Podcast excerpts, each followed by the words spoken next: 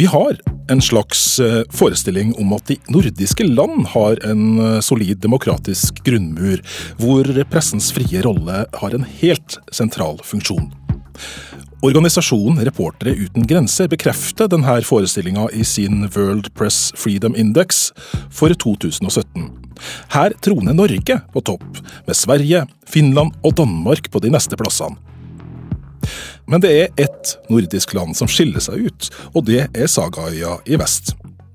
Island ligger riktignok på en respektabel tiendeplass på pressefrihetsrankinga, men i Kurer i dag kommer du til å få høre hvorfor landet kanskje ikke fortjener den plasseringa. Dora Gudjonsdottir, som bl.a. har studert journalistikk i Norge og er vararepresentant i Alltinget på Island, sier det slik. Altså, Noen ganger så liker vi å og kødde med at eh, vi er en slags bananrepublikk eh, som har, eh, har, et veldig godt rykte for å ikke være det, da. Kurer skal i dag handle om levevilkåra for ei fri og uavhengig presse på Island.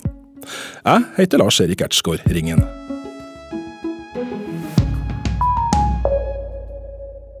For at vi skal kunne forstå situasjonen for mediene på Island bedre, må vi starte med å få et overblikk. Mimir Kristiansson er som navnet avslører fra Island sjøl, og er nyhetssjef i Klassekampen. Bare to sekunder. To sekunder. Ja, det vil si, til daglig så er han nyhetssjef i Klassekampen. Nå har han pappapermisjon sammen med dattera si Austa.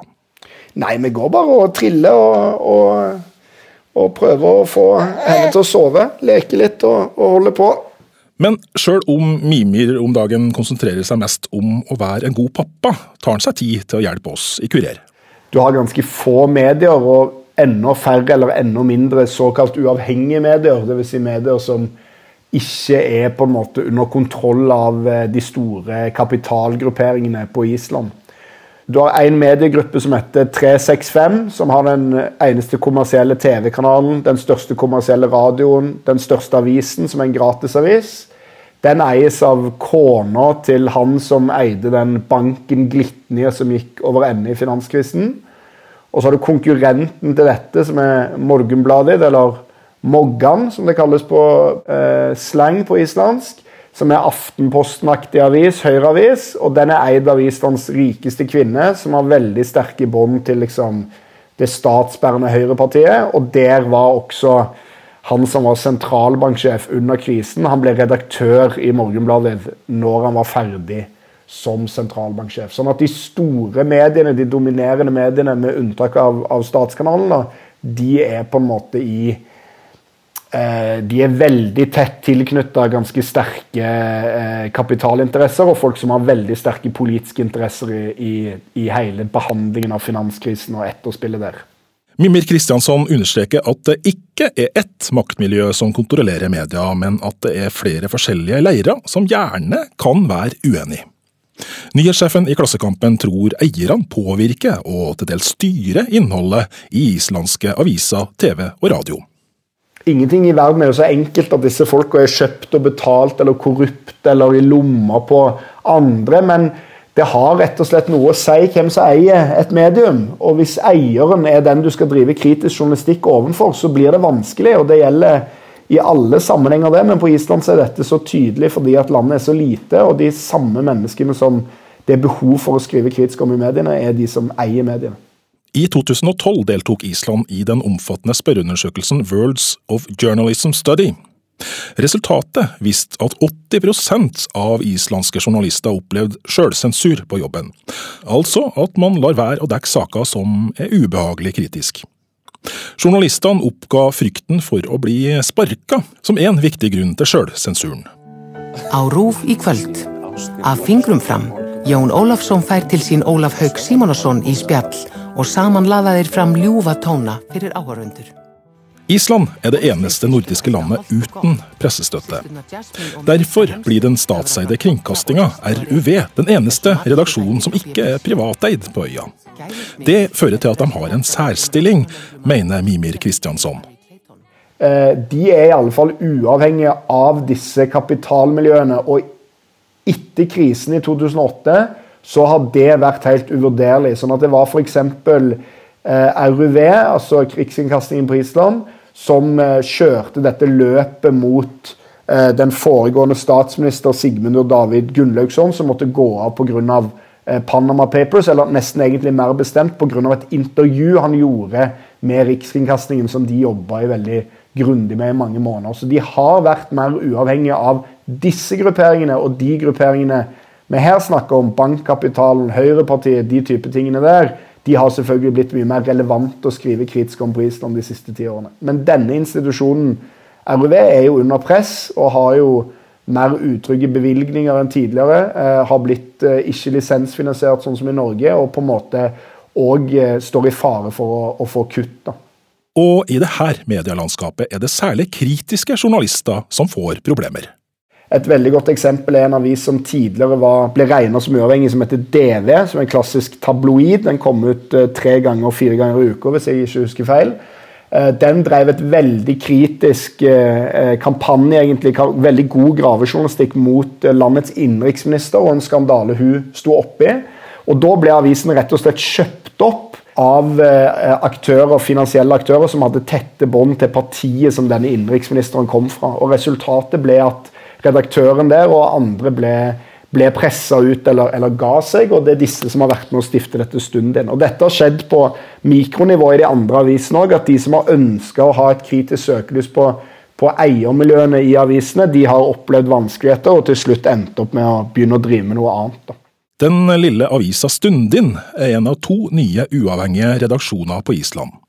Journalistene ble, som vi hørte Mimir Kristiansson fortelle, pressa ut av en tabloidavis, og valgte å folkefinansiere sin nye arbeidsplass, som nå i stor grad er eid av de sju journalistene i redaksjonen. Dette har gjort det lettere for avisa å være kritisk, og rett før eh, valget på Island nå i høst kom de over et skup. Redaksjonen fikk tilgang til interne bankdokumenter som viste at den sittende statsministeren, Bjarni Benediktsson, fra det konservative Selvstendighetspartiet og hans familie hadde solgt unna aksjer i banken Glitner rett før den kollapsa i 2008. Avisa skrev flere artikler der de anklaga Benediktsson for å ha bedrevet innsidehandel, og det i starten av valgkampen.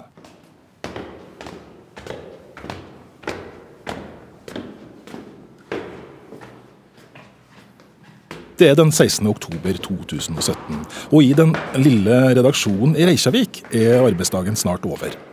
Men så kommer plutselig tre personer, to menn og en kvinne, på uanmeldt besøk.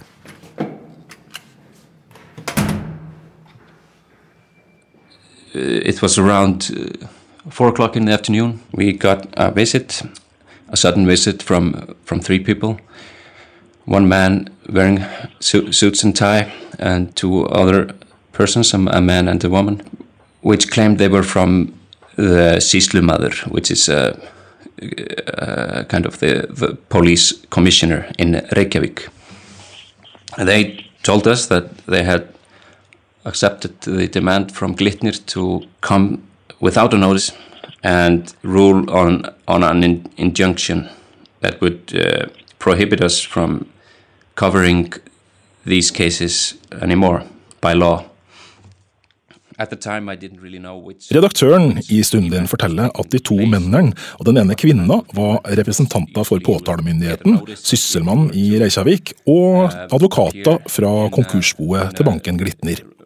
Sysselmann fortalte at de hadde fått en begjæring fra Glitner om å nedlegge et forbud mot å publisere flere kritiske saker om statsministeren, og de brukte loven som skal beskytte bankinformasjon, som grunn.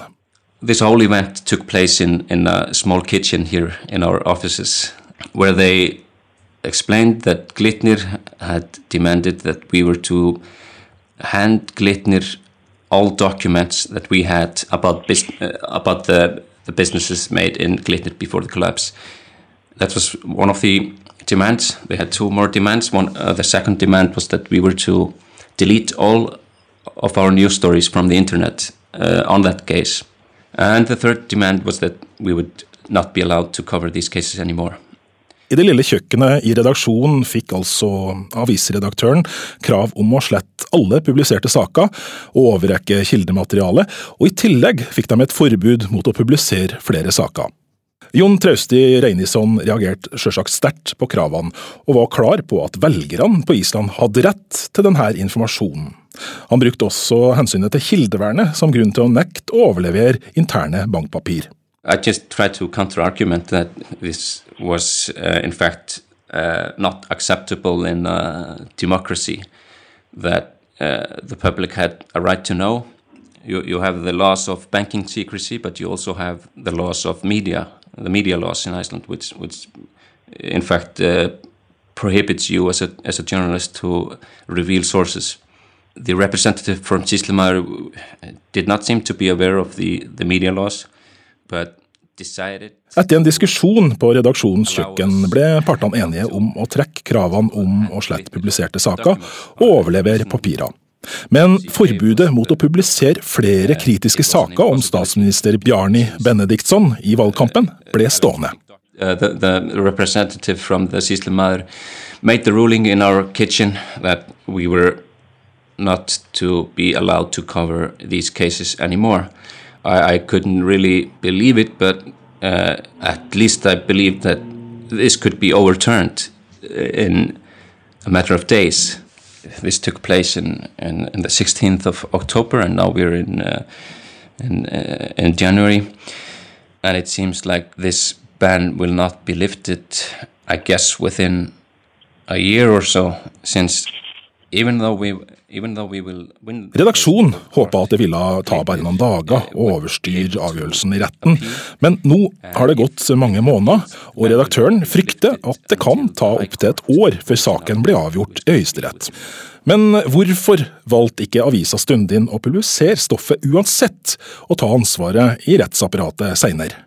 Our, our first thought was that we need to uh, appear as, as law-abiding citizens and uh, and and she uh, follow the path that the system makes, and at, and then try to reform the system. Redaksjonen ble enige om at det riktige var å fremstå som lovlydige, slik situasjonen var, for så å forsøke å forandre systemet i etterkant. We would be ready to go to prison if it, if it was the issue. But we also weren't really sure of how, how much support we would get if we would be breaking the law. Uh, that uh, we believed that pe people would rather support us if, if we were law-abiding citizens, uh, and that there might not be an understanding. Redaktør Reinisson forteller at redaksjonen i prinsippet ville ha vært uh, villig til å gå i fengsel for å forsvare pressefriheten, men at det ville ha vært meningsløs slik situasjonen er på Island. Og man skulle kanskje tro at de andre mediebedriftene på Island ville ha støtt Stundin i kampen mot forbudet mot å skrive kritisk om statsministeren før valget. Det Stundin tvert imot opplevde, var at flere store aviser stilte seg på den andre sida. Even journalists were, were taking a stance against us. Uh, journalists working for other media. media. Uh, for example, one journalist that works for the largest business newspaper in, in Iceland uh, took a stance against us in the in the uh, on the on the national television roof. But he did not reveal that he was working for the Independence Party at that same time, working uh, in uh, on their uh, election campaign. In Morgenbladet, there was a drawing, or there was a caricature of, of me as a as a barbarian and the prime minister in a, in a, in a large pot, and we we were boiling the we were depicted as uh, cannibals. So the atmosphere was really tense here towards us. and Redaktøren ble bl.a. kritisert knallhardt på TV av en journalist fra Islands største avis, som ifølge Reinisson sjøl samtidig jobba i valgkampapparatet til statsministeren.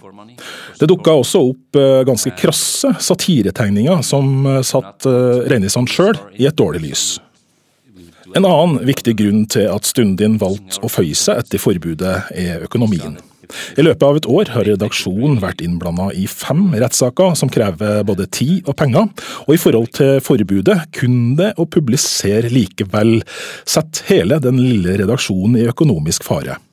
Det kunne de ikke ta sjansen på. There would be financial consequences that would not only affect the company but also us, us as individuals who own the company since since we are responsible for some amount of, of, of, of loans, not really much, but but it, it, it would have huge consequences. But the largest uh, factor was that we we wanted to show that we were law-abiding citizens and that we, we were not the rebels or whatever that they were trying to portray us as. Redaktør Jon Trauste Reinisson mener at det forbudet avisredaksjonen fikk rett før valget, med all mulig tydelighet viser at det er store demokratiske utfordringer på Island. I guess this just tells us that there's something fundamentally wrong in a democratic society that allows for a ban on news coverage about the conflicts of interest of the prime minister. There's something there's something fundamentally and obviously wrong about that. Sambandi við sýslumanninu höfuborgarsvæðinu. Opnunartími embættisins er fra 8.30 til 15. Kurer har i løpet av den uka vi har jobba med det programmet du hører på nå, forsøkt å få kontakt med både sysselmannen i Reykjavik, advokatene til konkursboet i Glitner og tidligere statsminister Bjarni Benediktsson, som etter valget ble landets finansminister. Og det for å få deres versjon av det som skjedde med Stundin. Benediktssons parti ga oss tidlig i uka kontaktinfo til assistenten hans, som vi kontakta på e-post allerede tirsdag. Siden det har vi forsøkt å ringe kontakten flere ganger uten at vi har fått noe svar tilbake. Ingen av de andre har dessverre heller latt høre fra seg. Vita, vita félagin er í Indi Fens að þú hefur átt uh, aflandsfélag sem Hvað var atrið kröða er að reyna að búa til hérna? Aðra helg. Sigmundur, þú hlýtur að geta svarað þessum spurningum þú ert fórsættisráð og þú hefur ekki komið hreint fram Jag blev inte förvånad över att statsministern lämnade intervjun. Jag hade nog trott att risken var ganska stor för att han skulle göra det. Eh, samtidigt så känner jag att en statsminister måste kunna svara på sådana frågor, obekväma frågor, även i en sånn här situation. Och jag tror också att statsministeren statsministern förlorade mycket på att Det du hørte her, var statsminister Sigmundur David Gunnlaugsson fra det sentrumsorienterte Fremskrittspartiet, som rev av seg mikrofonen og storma ut av rommet midt i et intervju med Sven Bergman i Sveriges Televisjon pga. kritiske spørsmål om hans økonomiske handlinger i kjølvannet av Panama-lekkasjen. Intervjuet førte til regjeringens avgang. Og det her var et stykke kritisk journalistikk som den islandske rikskringkastinga, RUV, også var med på. I'm a journalist working for a state broadcast company, RUV. Uh, I work on a program called uh, Quaker, uh, which uh, uh, is a documentary uh, show doing investigative journalism. I've been working here for 11 years now. And before we, we started this show this fall, I was working on another show uh, called Kastljos or Spotlight. Helge Seljan jobber i Islands svar på Brennpunkt-redaksjon, og har arbeida flere år som kritisk journalist. Han forteller at eh, de valgte å ta over stafettpinnen fra Stundin etter at eh, redaksjonen fikk forbud mot å fortsette å være kritisk med statsministeren. We got a hold of the documents uh, probably six or seven days after the injunction came into place. We had been uh, doing stories uh, Det rare var at RUV ikke fikk noen reaksjon på at de brøt det forbudet den lille avisa Stundin fremdeles må forholde seg til.